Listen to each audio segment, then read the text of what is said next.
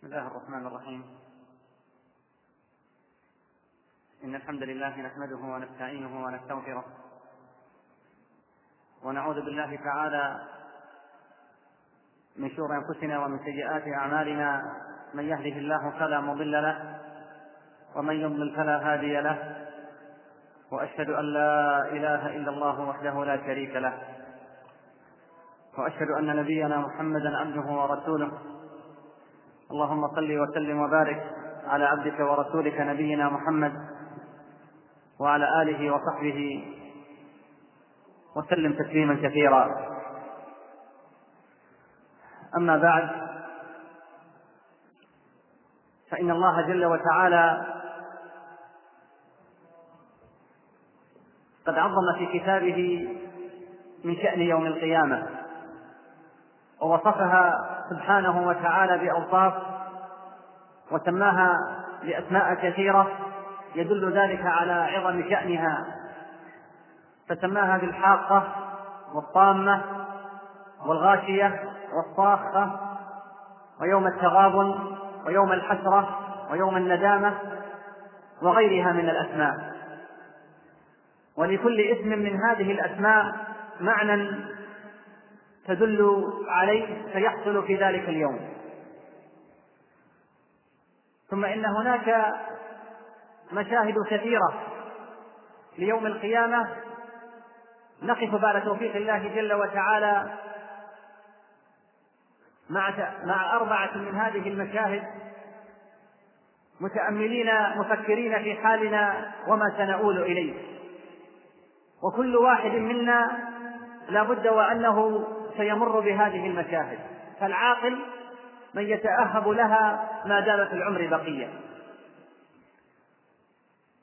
المشهد الأول مشهد الحشر.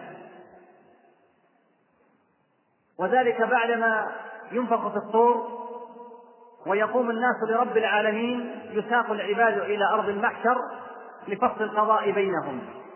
لتجزى كل نفس بما تسعى فيجزى كل عامل بما يستحق من الجزاء إن خيرا فخير وإن شرا فشر. وقد وضح النبي صلى الله عليه وسلم في عدد من الأحاديث كيف يكون هذا الحشر وكيف يكون مجيء الناس لها وهو أنهم في هيئات وحالات ومشاهد مختلفة فبعضهم حسنة وبعضهم قبيحة.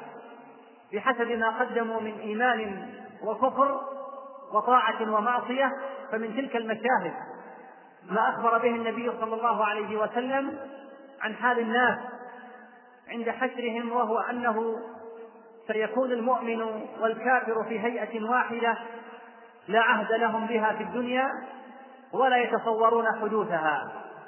ولهذا فقد حصل التساؤل والاستغراب لتلك الحالة كما في الحديث الذي ترويه أم المؤمنين عائشة رضي الله تعالى عنها وعن أبيها عندما قالت قال رسول الله صلى الله عليه وسلم تحشرون خفاة عراة غرلا؟ فقالت عائشة يا رسول الله الرجال والنساء ينظر بعضهم إلى بعض فقال الأمر أشد من أن يهمهم ذاك. رواه البخاري ومسلم. فالحشر يكون دون نعل أو خف ودون ثوب أو لباس. وأيضا يرجع البشر كهيئتهم يوم ولدوا حتى إن الغرلة ترجع وإن كان قد اختفن في الدنيا تحقيقا لقول الله تبارك وتعالى كما بدأنا أول خلق نعيده. هذا مشهد من مشاهد الحشر. مشهد آخر مشهد الكفار. فإنهم سيحشرون والعياذ بالله على هيئة تختلف عن غيرهم وهو أنهم يسحبون في المحشر على وجوههم كما قال جل وعلا ونحشرهم يوم القيامة على وجوههم عميا وبكما وصما مأواهم جهنم. قال شيخ الإسلام ابن تيمية رحمه الله تعالى فأخبر عز وجل أن الضالين في الدنيا يحشرون يوم القيامة عميا وبكما وصما. قال الله تعالى ومن أعرض عن ذكري فإن له معيشة ضنكا ونحشره يوم القيامة أعمى. قال رب لم حشرتني أعمى وقد كنت بصيرا؟ قال كذلك أتتك آياتنا فنسيتها وكذلك اليوم تنسى. روى البخاري في صحيحه عن أنس بن مالك رضي الله عنه أن رجلا قال يا نبي الله كيف يحشر الكافر على وجهه؟ فقال عليه الصلاة والسلام أليس الذي أمشاه على الرجلين في الدنيا قادرا على أن يمشيه على وجهه يوم القيامة؟ قال قتادة بلى وعزة ربنا. وأيضا من مشاهد الحشر الأخرى التي جاءت بها السنة أن هناك صنف من البشر يحشرون في أحقر صفة وأذلها وهؤلاء هم المتكبرون. فلأنهم في الدنيا كانوا يمشون في كبرهم وتبخترهم على الناس عالية رؤوسهم عن التواضع لله أو لخلقه. هؤلاء المستكبرون ورد في صفة حشرهم عن رسول الله صلى الله عليه وسلم ما رواه عمرو بن شعيب عن أبيه عن جده أن رسول الله صلى الله عليه وسلم قال يحشر المتكبرون يوم القيامة أمثال الذر في صور الرجال يغشاهم الذل من كل مكان. رواه الترمذي وقال حديث حسن صحيح. وفي رواية عن جابر رضي الله عنه عن النبي صلى الله عليه وسلم قال يبعث الله يوم القيامة ناسا في صور الذر يطأهم الناس بأقدامهم. فيقال ما هؤلاء في صور الذر فيقال هؤلاء المتكبرون في الدنيا. وهذه الحالة المخزية تناسب ما كانوا فيه في الدنيا من تعاظم وغرور بأنفسهم لأنهم كانوا يتصورون أنفسهم أعظم وأجل المخلوقات فجعلهم الله عز وجل في دار الجزاء أحقر المخلوقات وأصغرها والجزاء من جنس العمل. قال شيخ الإسلام رحمه الله تعالى فإنهم لما أذلوا عباد الله أذلهم الله لعباده كما أن من تواضع لله رفعه الله. وأيضا من مشاهد الحشر يوم القيامة. مشهد أولئك السائلين المتسولين الذين يسألون الناس وعندهم ما يغنيهم. هؤلاء يأتون يوم القيامة للحشر وفي وجوههم خموس أو خدوع ومنهم من يأتي وليس في وجهه مزعة لحم يعرفهم الناس كلهم. عن عبد الله بن عمر رضي الله عنهما قال قال النبي صلى الله عليه وسلم ما يزال الرجل يسأل الناس حتى يأتي يوم القيامة وليس في وجهه مزعة لحم رواه البخاري. وعن عبد الله بن مسعود رضي الله عنه قال قال رسول الله صلى الله عليه وسلم من سأل وله ما يغنيه جاءت خموشا أو خدوحا في وجهه يوم القيامة. أخرجه النسائي. وأيضا من مشاهد الحج مشهد أولئك الذين يأخذون من الغنائم وهي أموال المسلمين العامة. هؤلاء يحشرون في هيئة تشهد عليهم بالخيانة أمام الخلق أجمعين. فمن غل شيئا في حياته ولم يرجع أو يتوب منه فسيظهره الله عز وجل يوم الحشر وسيشهر به أمام الناس. زيادة للنكاية به يحمل ما غل على ظهره. قال الله تعالى وما كان لنبي أن يغل ومن يغلل يأتي بما غل يوم القيامة. ثم توفى كل نفس ما كسبت وهم لا يظلمون. قال قتادة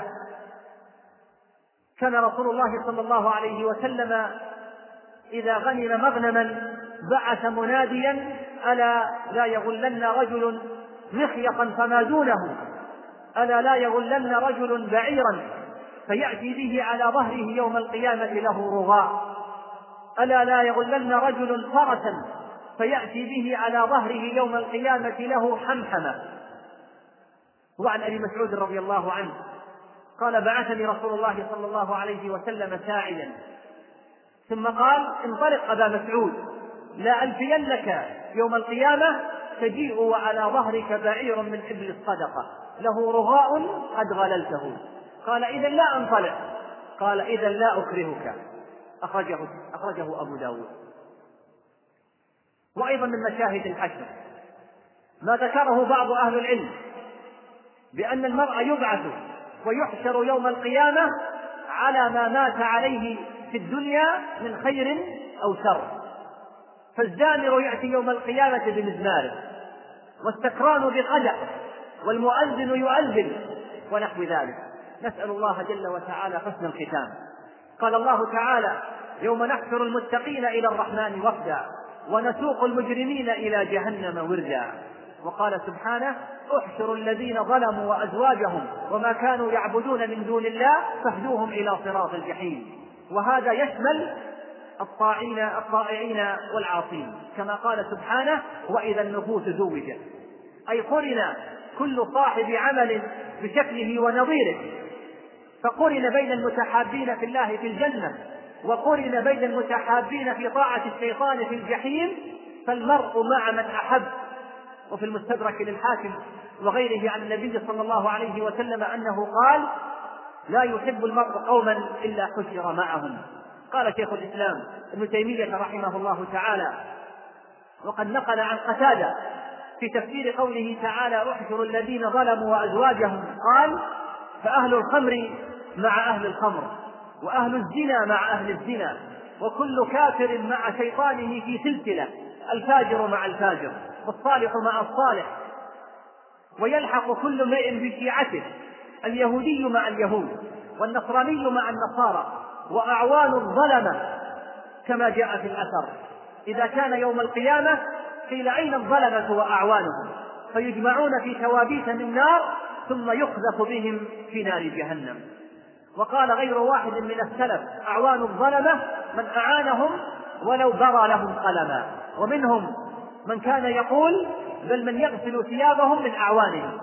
فيحشر كل مرء مع صاحب عمله حتى إن الرجل يحب القوم فيحشر معهم كما ثبت في الصحيح عن النبي صلى الله عليه وسلم لما قيل له الرجل يحب القوم ولما يلحق بهم قال المرء مع من أحب.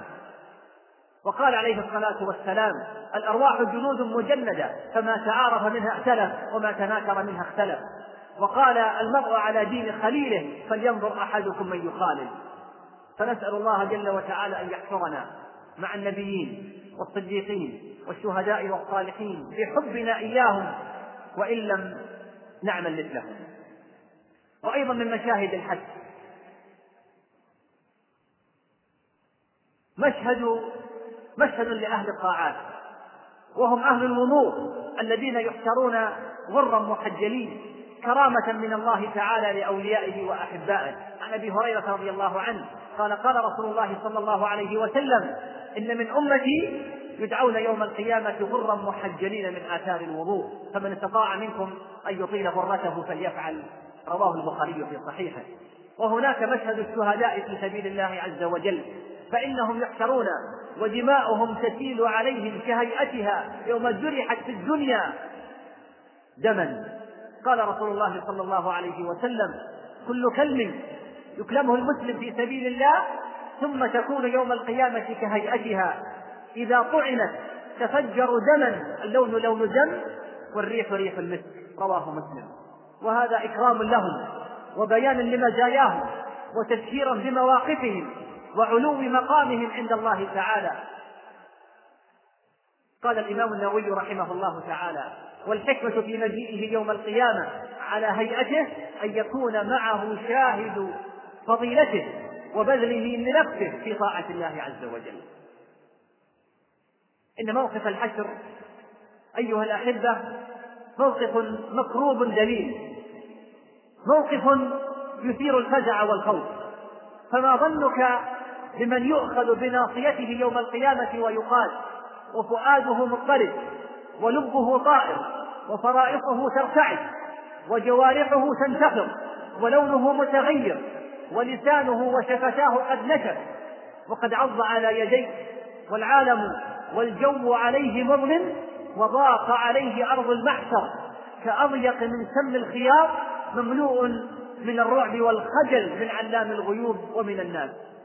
وقد أتى يتخطى رقاب الناس ويخترق الصفوف يقاد كما يقاد الفرس المجنون وقد رفع الخلائق إليه أبصارهم حتى انتهي به إلى عرش الرحمن. فرموه من أيديهم وناداه الله سبحانه وتعالى. فدنا بقلب محزون خائف وجل وطرفه خاشع دليل وفؤاده متحطم متكسر. وأعطي كتابه الذي لا يغادر صغيرة ولا كبيرة إلا أحصاها. فكم من فاحشة نسيها فتذكرها. وكم من ساعة قتلها عند منكر.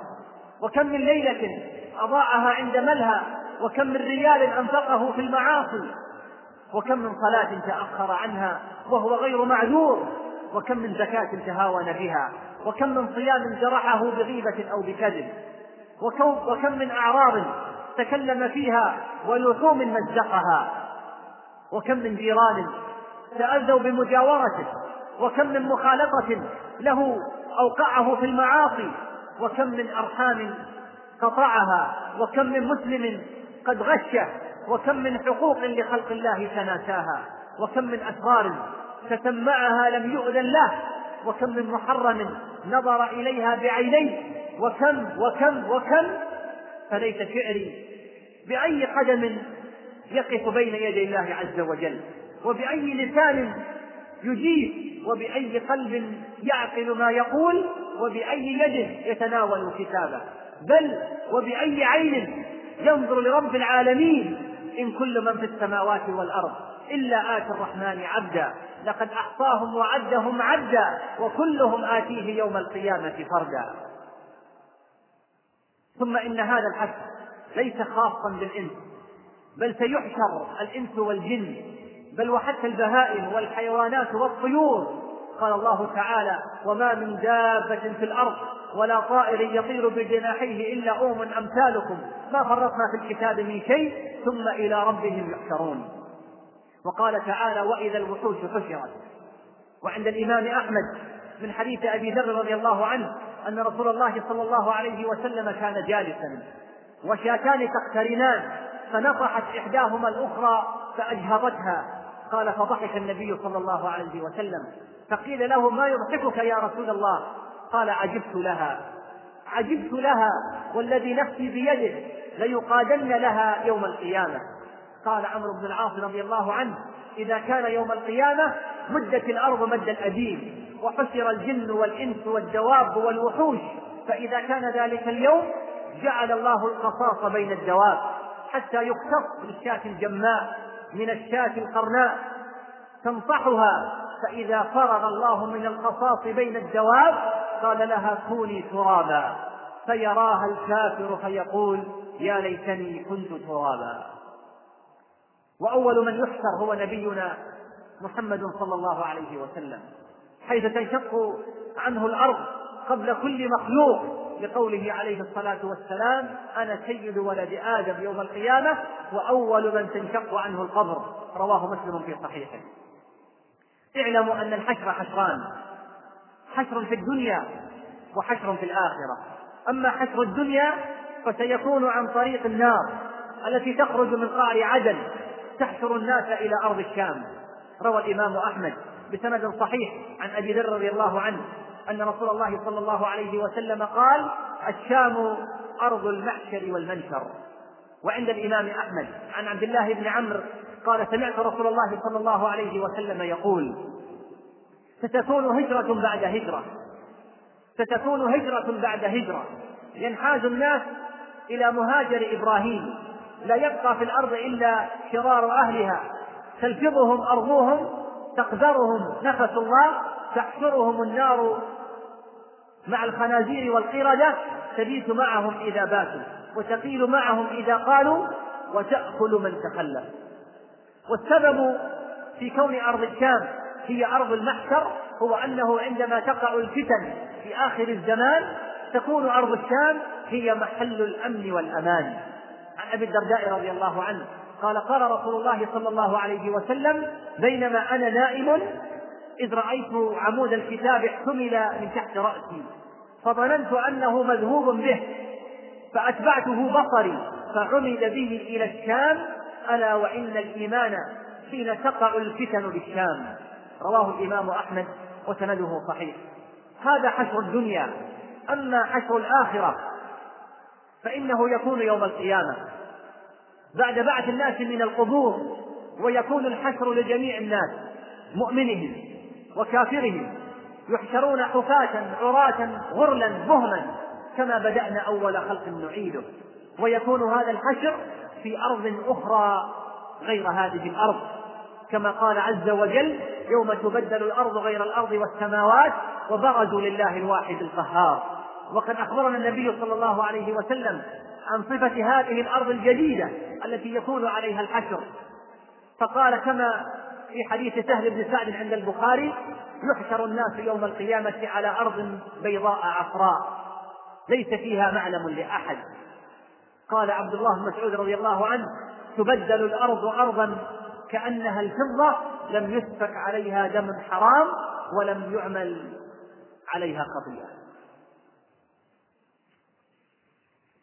المشهد الثاني من مشاهد يوم القيامة مشهد الحوض.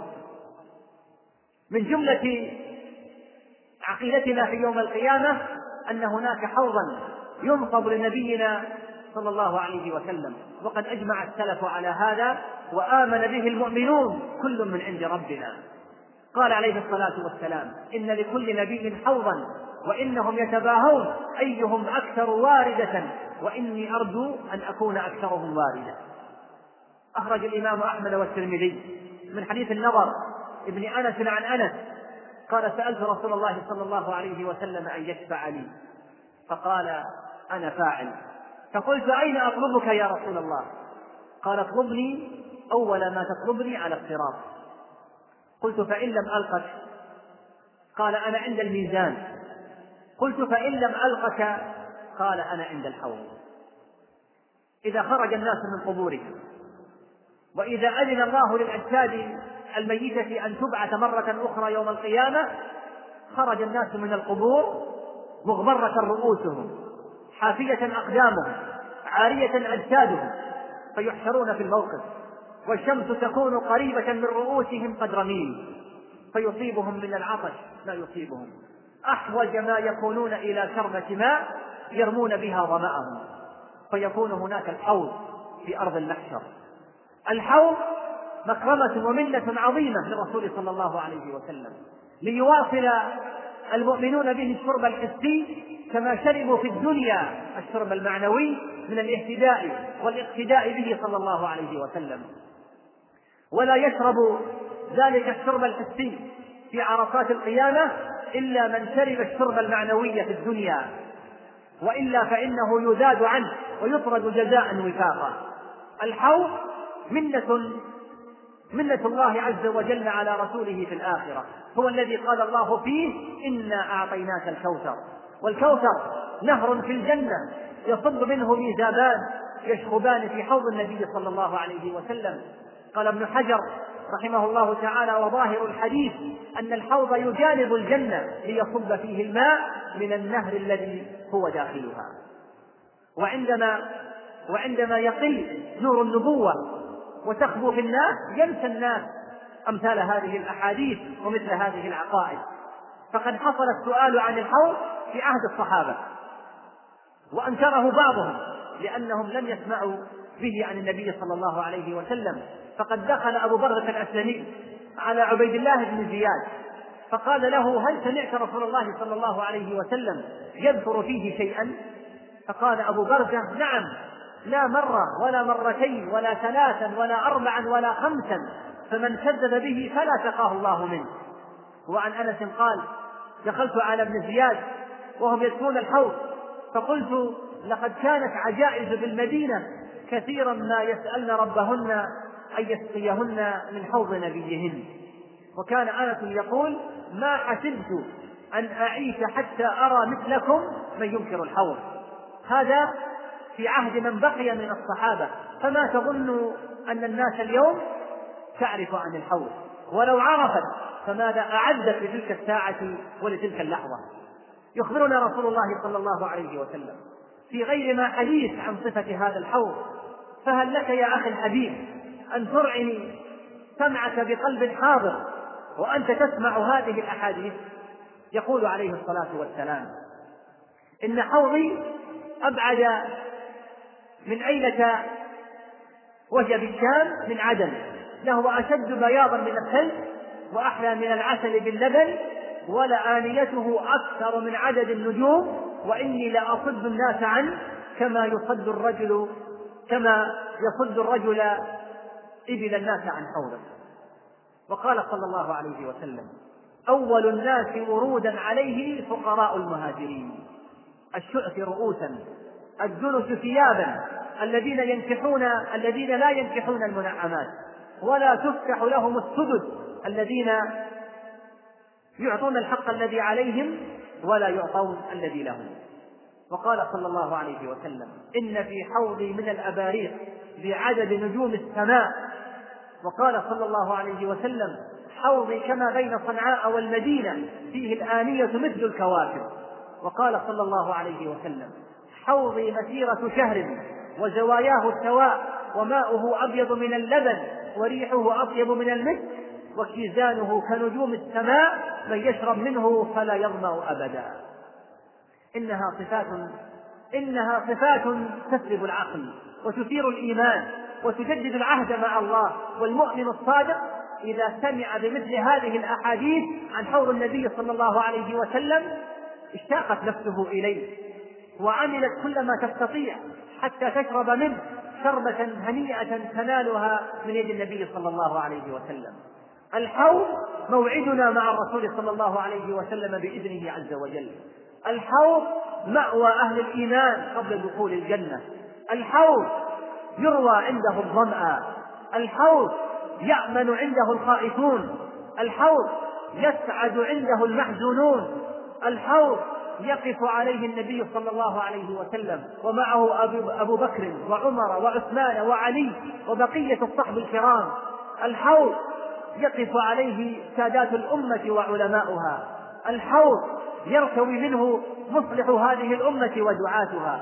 الحوض بداية فرح المؤمن في الآخرة لأنه لا يرده إلا وقد نجا من هول عظيم وكرب جسيم. وبعد هذا وبعد هذا ماذا أعددت يا عبد الله للحوض؟ وماذا أعددت للقي الحبيب صلى الله عليه وسلم على الحوض؟ أتعلم أنه يطرد أناس عن ذلك الحوض؟ أتعلم أن الحوض حرام الشرب منه لأهل الحدث والفجور؟ أتعلم أن الحوض لا يرده إلا الصادقون المؤمنون؟ يقول عليه الصلاة والسلام إني لكم فرق على الحوض فإياي لا يأتين أحدكم فيذب عني كما يذب البعير الضال. فأقول فيما هذا؟ فيقال إنك لا تدري ما أحدث بعدك. فأقول صدقا صدقا. رواه مسلم في صحيحه.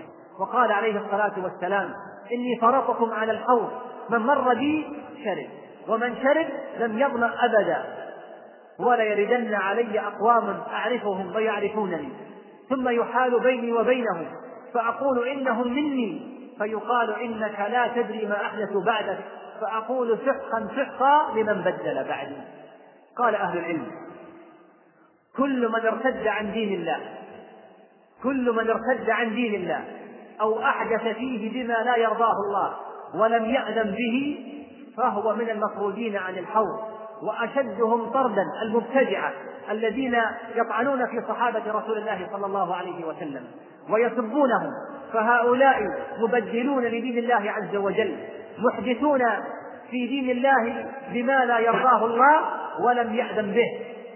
وكذلك الظلمة وكذلك الظلمة المسرفون في الظلم في الظلم والجور وطمس الحق وإذلال أهله وكذلك المعلنون لكبائر الذنوب. المجاهرون بها. أولئك الذين لا يستحون من الناس ولا يستحون من الله عز وجل. هؤلاء ربما أنهم طردوا عن حوض النبي صلى الله عليه وسلم. قال الإمام ابن عبد البر رحمه الله تعالى كل من أحدث في الدين فهو من المطرودين عن الحوض كالخوارج والروافض وسائر أصحاب الأهواء. وقال وكذلك الظلمة. وكذلك الظلمة وكذلك الظلمة المسرفون في الجور وطمس الحق المعلنون بالكبائر. وقال الإمام القرطبي رحمه الله تعالى إن أشدهم طردا من خالف جماعة المسلمين وفارق سبيلهم كالخوارج على اختلاف فرقها والروافض على تباين ضلالها والمعتزلة على أصناف أهوائها. فهؤلاء كلهم مبدلون. وكذلك الظلمة. المسرفون في الجور والظلم وتقميص الحق وقتل أهله وإذلالهم والمعلنون بالكبائر المستخفون بالمعاصي وجماعة أهل الزيغ والأهواء والبدع. انتهى كلامه رحمه الله. فيا أخي الحبيب فيا أخي الحبيب إن الأمر جد إنه لقول فصل وما هو بالهزل. من كان على بدعة فلينتبه. ومن كان مجاهرا بكبيرة فلينتبه ومن كان مصرا مصرا على معصية فلينتبه. عن أسماء بنت أبي بكر رضي الله عنها قالت قال النبي صلى الله عليه وسلم إني على الحوض حتى أنظر من يرد علي منكم وسيؤخذ ناس دوني فأقول يا رب مني ومن أمتي. فيقال هل شعرت؟ هل شعرت ما عملوا بعدك؟ والله والله ما برحوا يرجعون على أعقابهم. فكان ابن أبي مليكة يقول اللهم إنا نعوذ بك أن نرجع على أعقابنا أو نفتن عن ديننا. رواه البخاري في صحيحه. كيف بك يا عبد الله؟ كيف بك يا عبد الله وفي ذلك الموقف؟ لو علم بك النبي صلى الله عليه وسلم أنك قد عملت بعده أشياء وأشياء. كيف لو علم أن أشخاصا بأعيانهم من أمته صار يأكل الربا كما يأكل الطعام. هل شعرت ما عملوا بعدك؟ والله ما برحوا يرجعون على أعقابهم. كيف لو علم أن من أمته وفي بيوت المصلين منهم يعرض الزنا والفجور بل والكفر بالله عز وجل عبر هذه القنوات الفضائية؟ وهل بعد إدخال هذه الدشوش في البيوت والتساهل في أمره من إحداث؟ هل شعرت ما عملوا بعدك؟ والله ما برحوا يرجعون على أعقابهم. ألا تخشى يا عبد الله أن تطرد عن الحوض يوم العطش الأكبر بسبب ما عملت يداك؟ ثم إن أهل البدع عامتهم مطرودون عن الحوض لأنه يقال النبي صلى الله عليه وسلم إنك لا تدري ما أحدثوا بعدك فقد قال هو صلوات ربي وسلامه عليه من أحدث في من أحدث في أمرنا هذا ما ليس منه فهو رد. فاحذر أخي المسلم من البدع. فإن كل محدث بدعة وكل بدعة ضلالة وكل ضلالة في النار. ومن شؤم البدع أن الله قد حجب التوبة عن صاحبها كما ورد بذلك الحديث. وذلك لأن البدعة تحلو في عين صاحبها ويرى أنه يقوم بعمل جليل. فاحذر أيها المسلم من البدع وأهلها واهجرهم هجرا جميلا. ومن بلايا هذا الزمان أن البعض قد يبتلى بالعمل مع المبتدعة إما رئيسا أو مرؤوسا أو قرينا في العمل. وهم أنجاس أرجاس مطرودون عن حوض النبي صلى الله عليه وسلم. فاحذرهم أخي المسلم وقل لهم لكم دينكم ولي دين. ويوم القيامة يوضع منبر النبي صلى الله عليه وسلم الذي كان يخطب عليه في الدنيا أين يوضع؟ على حوضه. قال عليه الصلاة والسلام ومنبري على حوضي رواه البخاري في صحيحه. فتأمل فتأمل يا أخي الحبيب ذلك الجلال. وانظر إلى هذه المعاني التي تزيد المؤمن إيمانا. وقد زار النبي صلى الله عليه وسلم البقيع فقال السلام عليكم دار قوم مؤمنين وإنا إن شاء الله بكم لاحقون. وجدت أنا قد رأينا إخواننا. فقالوا أولسنا إخوانك يا رسول الله؟ قال بل أنتم أصحابي وإخواني الذين لم يأتوا بعد. قالوا كيف تعرف من لم يأت بعد من أمتك؟ قال أرأيت لو أن رجلا له خيل غر محجلة بين ظهري خيل جهم بهم ألا يعرف خيله؟ قالوا بلى يا رسول الله. قال فإنهم يأتون يوم القيامة غرا محجلين من آثار الوضوء وأنا فرطهم على الحوض. ألا ليزادن رجال عن حوضي كما يزاد البعير الضال أناديهم ألا هلم فيقال إنهم قد بدلوا بعدك فأقول سقا سقا أهل الوضوء والصلاة يردون على النبي صلى الله عليه وسلم في حوضه وتارك الصلاة لا يردون لأن تارك الصلاة لا يكونون غرا محجلين. كيف تكون لهم علامة التحجيل وهم لا يصلون. إن المحافظة على الوضوء والصلاة من مبشرات المرء بالورود على حوض النبي صلى الله عليه وسلم. وهذا يدل على النجاة من جهنم وشرها. قال رسول الله صلى الله عليه وسلم لا يحافظ على الوضوء إلا مؤمن. فالمحافظة على الوضوء من صفات أهل الإيمان. وفي صحيح مسلم عن أبي مالك الأشعري رضي الله عنه قال قال رسول الله صلى الله عليه وسلم الطهور شطر الإيمان. إنها أعمال إنها أعمال ربما استقلها العبد لكنها الفلاح والنجاح. إذا أردت الفوز بالجنة والورود على الحوض وعدم الطرد عنه فحافظ على الوضوء وصل الصلاة المفروضة مع الجماعة وابتعد عن البدع فلا سلامة إلا بذلك لقد كان الحوض موعدا لكل متظلم لا يجد من ينصفه من خصمه. وكان الحوض موعدا لكل من لا يؤدى إليه حقه. ولهذا كان رسول صلى الله عليه وسلم يقول للصحابة في آخر حياته كما في صحيح البخاري إني فرطكم إني فرط لكم وأنا شهيد عليكم وإني لأنظر إلى حوضي الآن وإني قد أعطيت مفاتيح خزائن الأرض أو مفاتيح الأرض. وإني والله ما أخاف عليكم أن تشركوا بعدي ولكني أخاف عليكم أن تنافسوا فيها. قد ترى يا عبد الله أنك لم تنصف في الدنيا ولم تأخذ حقوقك كاملة وهذا طبع في الناس.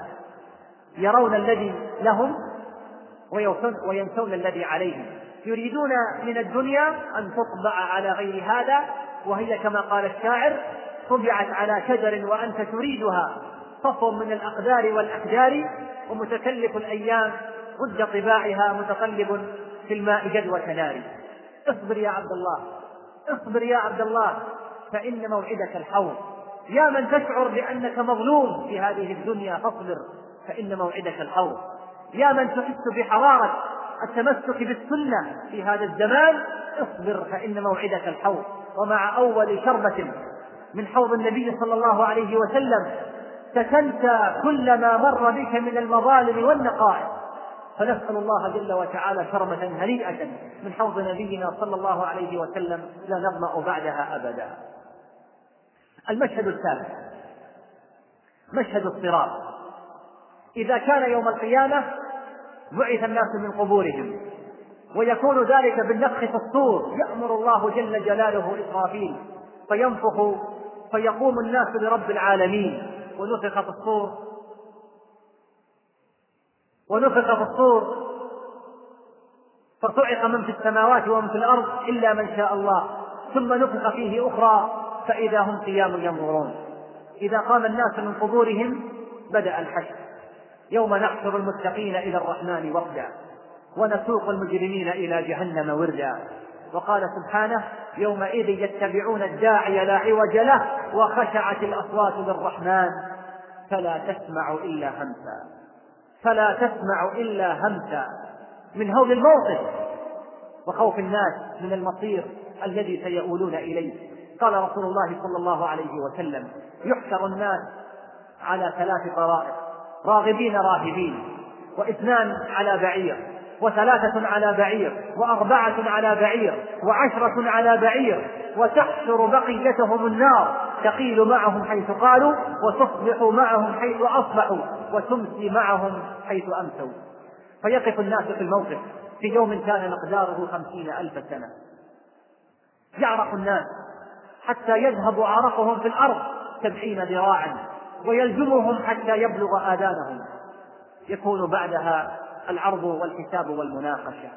قال الله تعالى ويوم نحشر من كل أمة فوجا ممن يكذب بآياتنا فهم يوزعون. حتى إذا جاءوا قال أكذبتم بآياتي ولم تحيطوا بها علما؟ أم ماذا كنتم تعملون؟ ووقع القول عليهم بما ظلموا فهم لا ينطقون. عندها يبدأ المساءلة. فوربك لنسألنهم أجمعين عما كانوا يعملون. ما منكم من أحد إلا سيكلمه ربه ليس بينه وبينه ترجمان. فينظر أيمن منه فلا يرى إلا ما قدم. وينظر أشأم, أشأم منه فلا يرى إلا ما قدم. وينظر بين يديه فلا يرى إلا النار. تلقاء وجهه فاتقوا النار ولو بشق تمرة ولو بكلمة طيبة. بعدها توزع الشهادات وتظهر النتائج.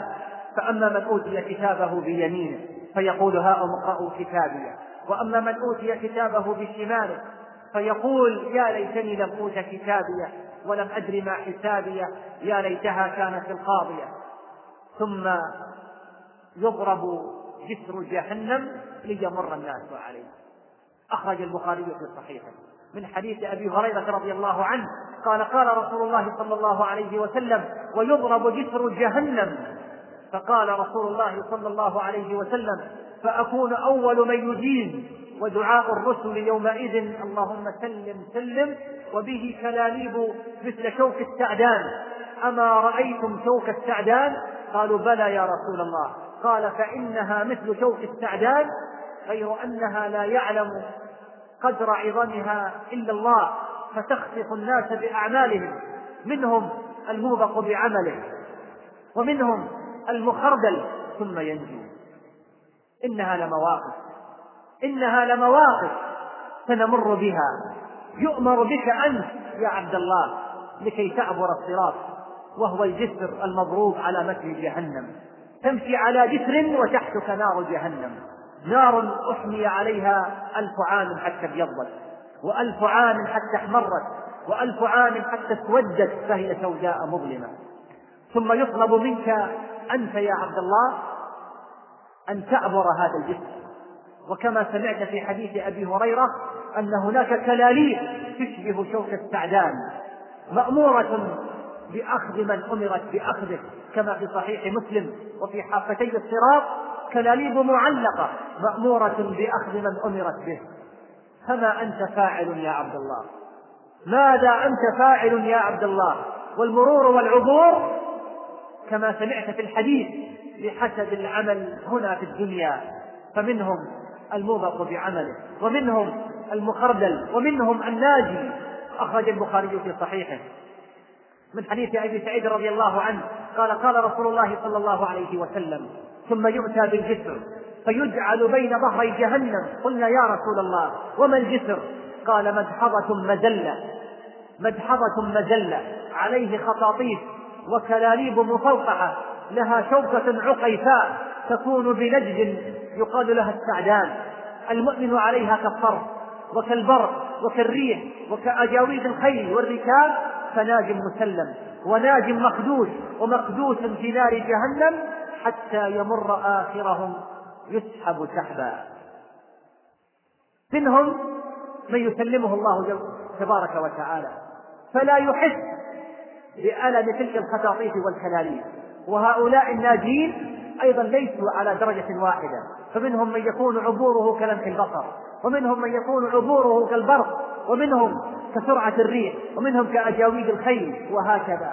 حتى إن آخرهم يسحب سحبا ومنهم من ينجو لكن يصيبه شيء من خدوش تلك الكلاليب فتؤثر في جسده.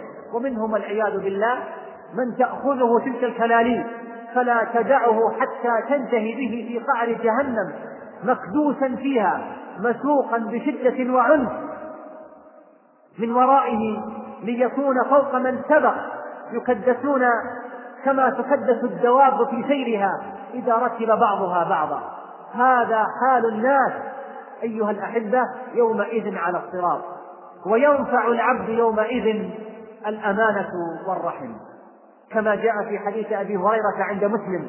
أخبر النبي صلى الله عليه وسلم أن الأمانة والرحم تقومان على جنبتي الصراط. إن الأمانة والرحم ترسلان فتقومان جنبتي الصراط. ما هو السبب في قيامهما ذلك؟ السبب هو أن أداء الشهادة للشخص أو عليه بما كان يفعله تجاههما من القيام بهما. وأداء الواجب الذي أمر الله به نحوهما والوفاء والتمام الذي كان يسير عليه في حياته الدنيا أو تشهدان عليه بالغدر والخيانة وعدم القيام بالواجب نحوهما. فيا من في أعناقكم أمانات وكلنا كذلك. وكل بحسبه. أد الأمانة. أد الأمانة قبل أن تزل قدم بعد ثبوتها.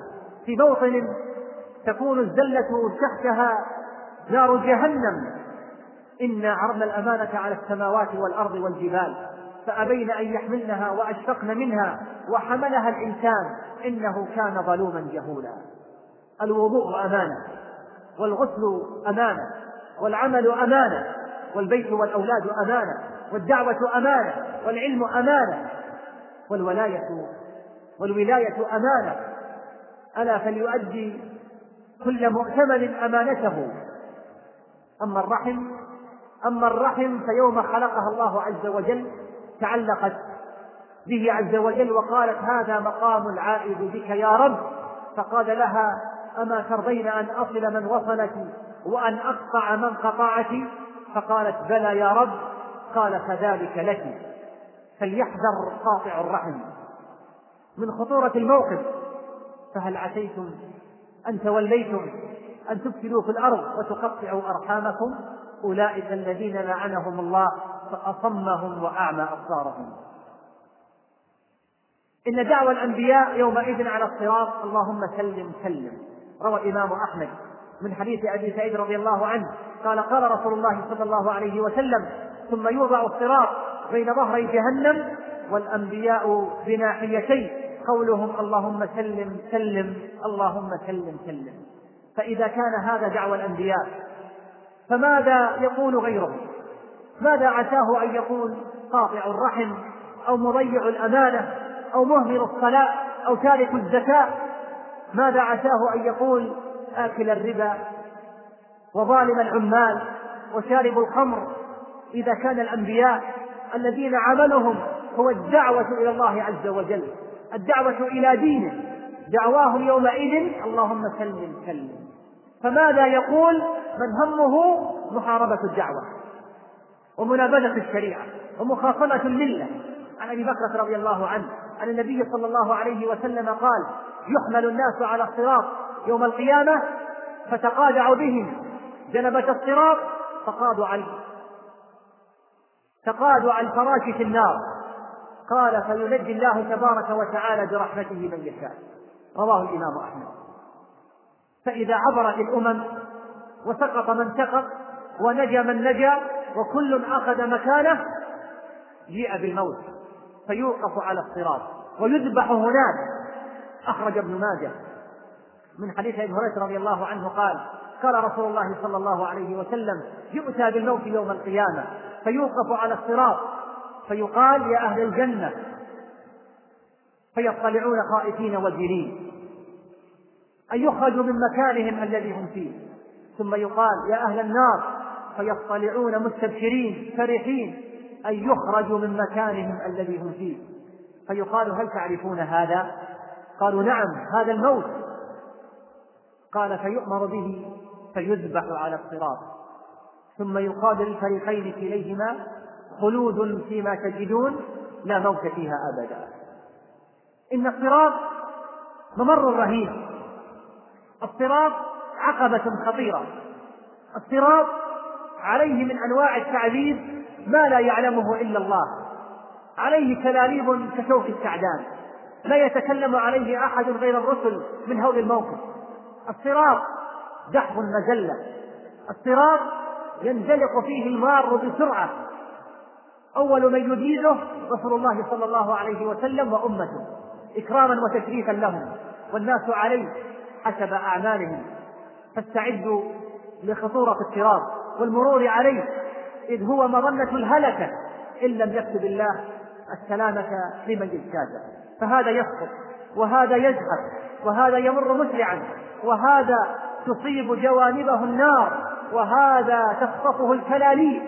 حقا إنه لممر عصيب ومسلك رهيب. نسأل الله جل وتعالى الاعانه بفضله ورحمته. أخرج مسلم في صحيحه. عن أبي سعيد أنه قال بلغني أن الجسر أدق من الشعرة وأحد من السيف ثم إن الصراط يكون مظلما. يكون مظلما. تخيل يا عبد الله تسير على جسر أدق من الشعر وأحد من السيف والطريق مظلم وتحتك نار جهنم وعندها تقسم الأنوار على العباد بحسب أعمالهم ليروا الطريق أمامهم. عن أبي مسعود رضي الله عنه أن رسول الله صلى الله عليه وسلم قال فيعطون نورهم على قدر أعمالهم فمنهم من يعطى نوره مثل الجبل بين يديه ومنهم من يعطى نوره فوق ذلك ومنهم من يعطى نوره مثل النخلة بيمينه ومنهم من يعطى دون ذلك بيمينه حتى يكون آخر من يعطى نوره على إبهام قدمه. يضيء مرة وينطفئ مرة.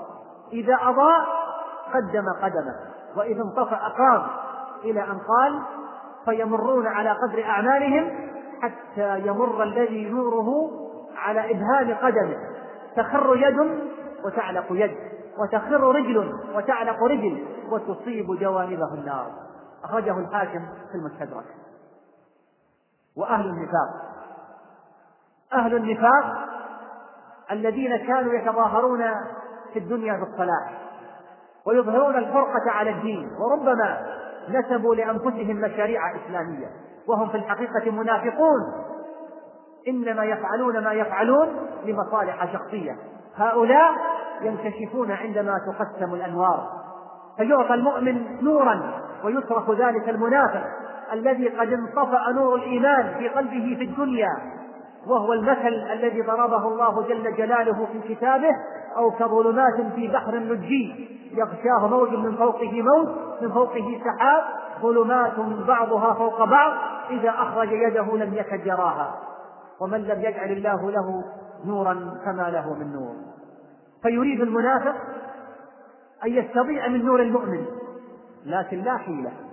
يوم يقول المنافقون والمنافقات للذين آمنوا انظرونا نقتبس من نوركم. قيل ارجعوا وراءكم فالتمسوا نورا فضرب بينهم بسور له باب باطنه فيه الرحمة وظاهره من قبله العذاب. ينادونهم ألم نكن معكم؟ قالوا بلى ولكنكم فتنتم أنفسكم وتربصتم وارتبتم وغرتكم الأماني؟ حتى جاء أمر الله وغركم بالله الغرور فاليوم لا يؤخذ منكم فدية ولا من الذين كفروا مأواكم النار هي مولاكم وبئس المصير. وهناك نوعيات من البشر بمجرد ركوبهم على الصراط فإنهم يمنعون من عبور الصراط. فتخرج عنق من النار تلتقطهم وترميهم في جهنم والعياذ بالله. هل تعلمون من هؤلاء؟ أخرج الإمام أحمد بسنده. من حديث أبي هريرة رضي الله عنه عن النبي صلى الله عليه وسلم قال يخرج يوم القيامة عنق من النار.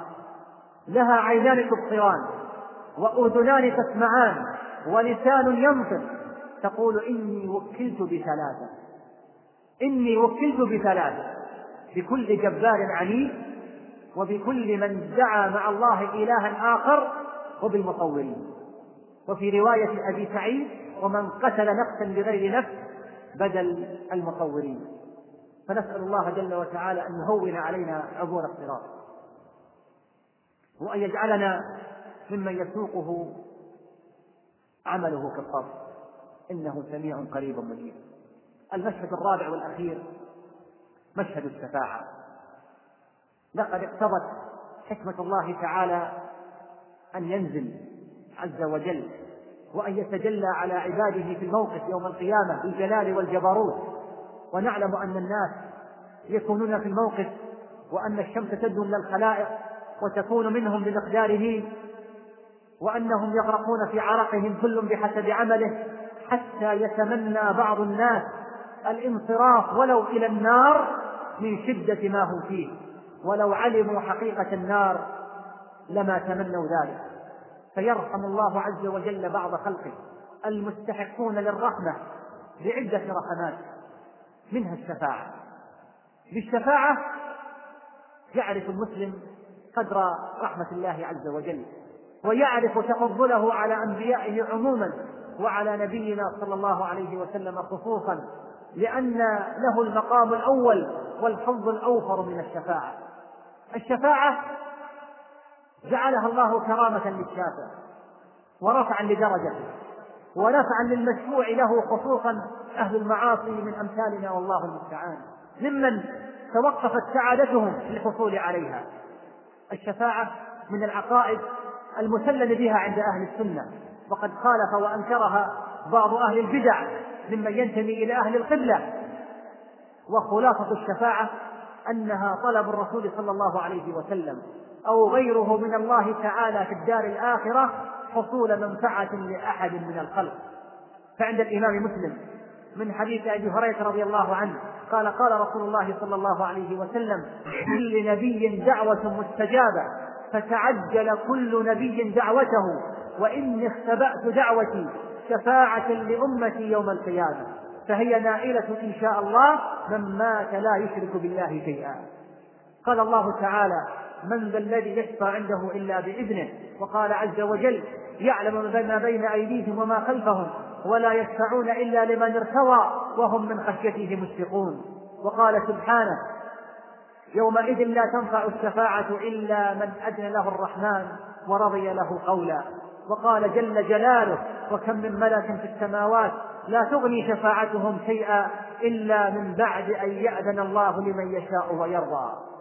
وأعظم الشفاعات يوم القيامة. شفاعة نبينا صلى الله عليه وسلم لفصل القضاء بين الناس.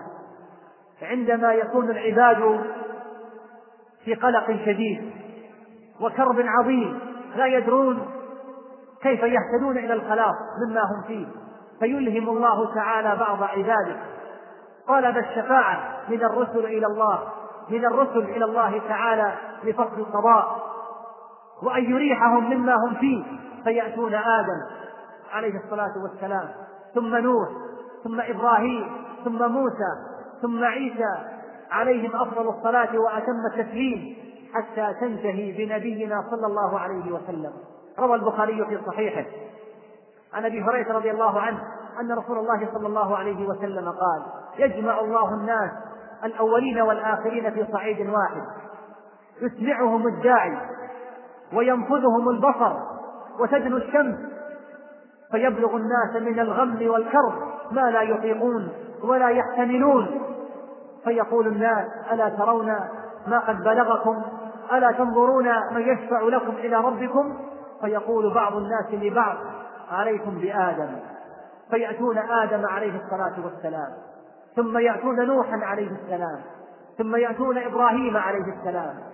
ثم يأتون موسى عليه السلام ثم يأتون عيسى عليه السلام وكل نبي يحيلهم إلى غيره قائلا إن ربي قد غضب اليوم غضبا لم يغضب قبله مثله ولن يغضب بعده مثله. اذهبوا إلى غيري حتى تنتهي إلى نبينا صلى الله عليه وسلم. فيأتون محمدا عليه الصلاة والسلام فيقولون يا محمد أنت رسول الله وخاتم الأنبياء. وقد غفر الله لك ما تقدم من ذنبك وما تأخر. اشفع لنا إلى ربك. ألا ترى إلى ما نحن فيه؟ قال فأنطلق. فآتي تحت العرش. فأقع ساجدا لربي عز وجل. ثم يفتح الله علي من محامده. وحسن الثناء عليه شيئا.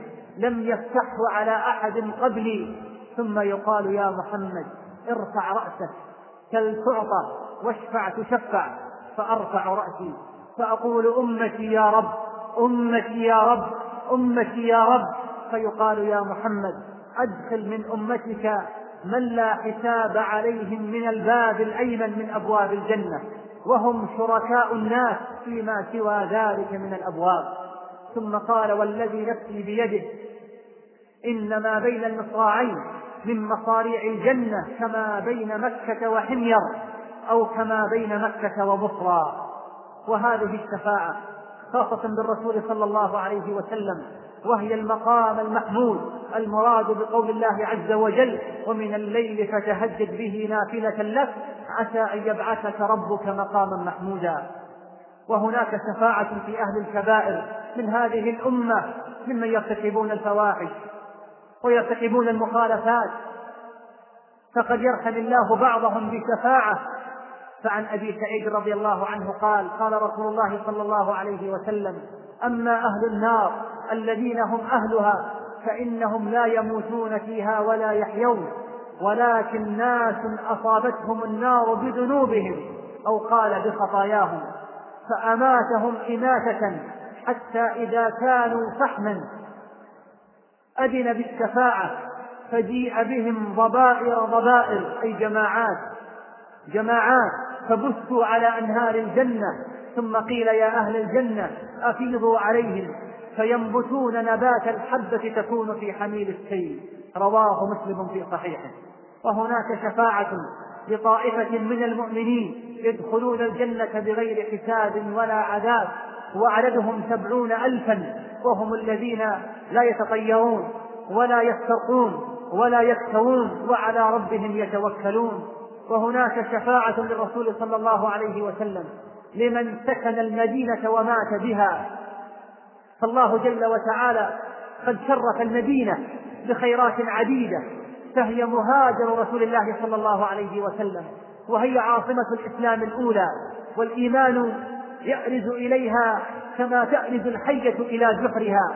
ومن هذه الميزات شفاعة النبي صلى الله عليه وسلم لأهلها. لمن مات بها صابرا محتسبا. ففي صحيح مسلم يقول عليه الصلاة والسلام المدينة خير لهم لو كانوا يعلمون لا يدعها أحد رغبة عنها إلا أبدل الله فيها من هو خير منه ولا يثبت أحد على لأوائها وجهدها إلا كنت له شفيعا أو شهيدا يوم القيامة.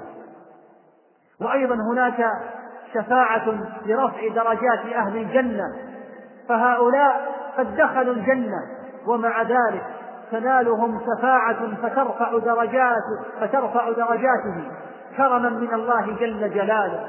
إن من عباد الله إن من عباد الله من يقدمون أعمالا يدخلهم المولى الجنة برحمته. وفوق هذا ينالهم كرم الله عز وجل. فوق ذلك فتنالهم شفاعة ترفع منزلتهم في الجنة.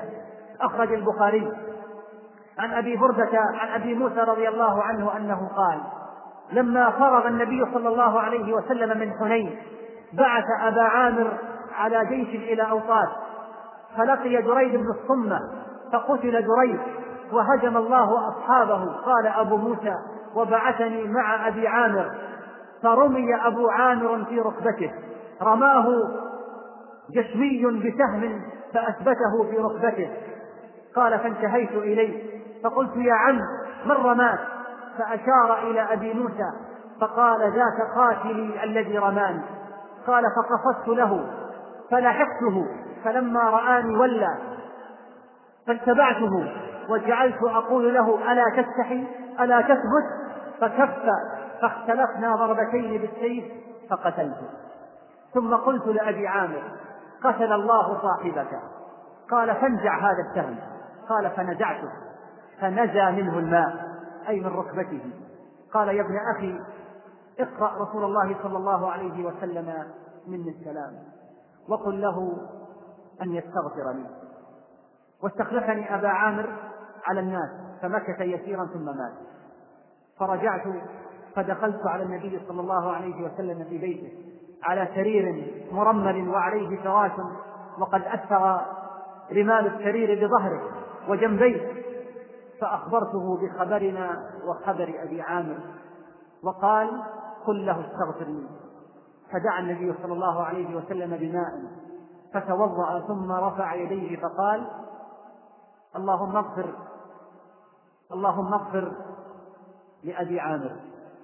فرأيت بياض إبطيه ثم قال اللهم اجعله يوم القيامة فوق كثير من خلقك من الناس.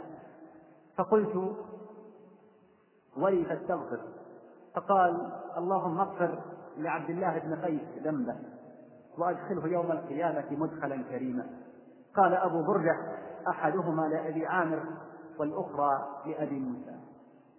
ومثله حديث أم سلمة رضي الله عنها أن رسول الله صلى الله عليه وسلم دخل على أبي سلمة وقد شق بصره فأغمضه ثم قال إن الروح إذا قبض تبعه البصر. فضج الناس من أهله. فقال لا تدعوا على أنفسكم إلا بخير. فإن الملائكة فإن الملائكة يؤمنون على ما تقولون. ثم قال اللهم اغفر لأبي سلمة وارفع درجته في المهديين واخلفه في عقبه في الغابرين واغفر لنا وله يا رب العالمين وافتح له في قبره ونور له فيه. رواه مسلم في صحيحه. وهناك شفاعة خاصة لأبي طالب عم رسول الله صلى الله عليه وسلم في تخفيف العذاب عنه والكفار كما نعلم لا شفاعة لهم والأصل في حقهم قول الله تعالى فما تنفعهم شفاعة الشافعين. لكن لما كان لأبي طالب مواقف عظيمة مع النبي عليه الصلاة والسلام ومساندته له في دعوته ومناصرته والذب عنه وهي أعمال فاضلة أذن النبي صلى الله عليه وسلم الشفاعة في عمه فقط وهي شفاعة تخفيف لا شفاعة إخراج من النار. فعند البخاري عن أبي سعيد رضي الله عنه أنه سمع النبي صلى الله عليه وسلم وذكر عنده عمه فقال لعله تنفعه شفاعة يوم القيامة فيجعل في ضحضاح من النار يبلغ كعبيه يغلي منه دماغه. وعند مسلم من حديث ابن عباس رضي الله عنهما قال أهون أهل النار عذابا يوم القيامة أبو طالب وهو منتعل بنعلين يغلي منهما دماغه. فنسأل الله أن يرحمنا برحمته. هل تنتهي الشفاعات عند هذا؟ لا. لا. كرم المولى جل وتعالى ورحمته بخلقه أعظم من هذا. فقد ثبت في الصحيح أن رسول الله صلى الله عليه وسلم يشفع في أمته عدة مرات وفي كل مرة يرحم الله فيها طائفة من الناس. قال صلى الله عليه وسلم ثم أشفع فيحد لي حدا فأدخلهم الجنة. ثم أرجع فإذا رأيت ربي وقعت ساجدا فيدعني ما شاء الله أن يدعني. ثم يقال ارفع محمد وقل يسمع وسل تعطى واشفع تشفع فأحمد ربي بمحامد علمنيها ربي ثم أشفع فيحد لي حدا فأدخلهم الجنة ثم أرجع. فإذا رأيت ربي وقعت ساجدا فيدعني ما شاء الله أن يدعني ثم يقال ارفع محمد قل يسمع وسل تعطى واشفع تشفع. فأحمد ربي بمحامد علمنيها ثم أشفع فيحد لي حدا فأدخلهم الجنة ثم أرجع. فأقول يا رب ما بقي في النار إلا من حبسه القرآن ووجب عليه الخلود. قال النبي صلى الله عليه وسلم يخرج من النار من قال لا إله إلا الله وكان في قلبه من الخير ما يزن شعيره. ثم يخرج من النار ثم يخرج من النار من قال لا إله إلا الله وكان في قلبه من الخير ما يزن برا ثم يخرج من النار. من قال لا إله إلا الله وكان في قلبه ما يزن ما يزن من الخير ذرة. وهل تنتهي الشفاعات عند هذا؟ نقول لا. لا. وبعد هذه الشفاعات يقول الله جل جلاله شفعت الملائكة وشفع النبيون وشفع المؤمنون ولم يبق إلا أرحم الراحمين. فيقبض الله قبضة من النار.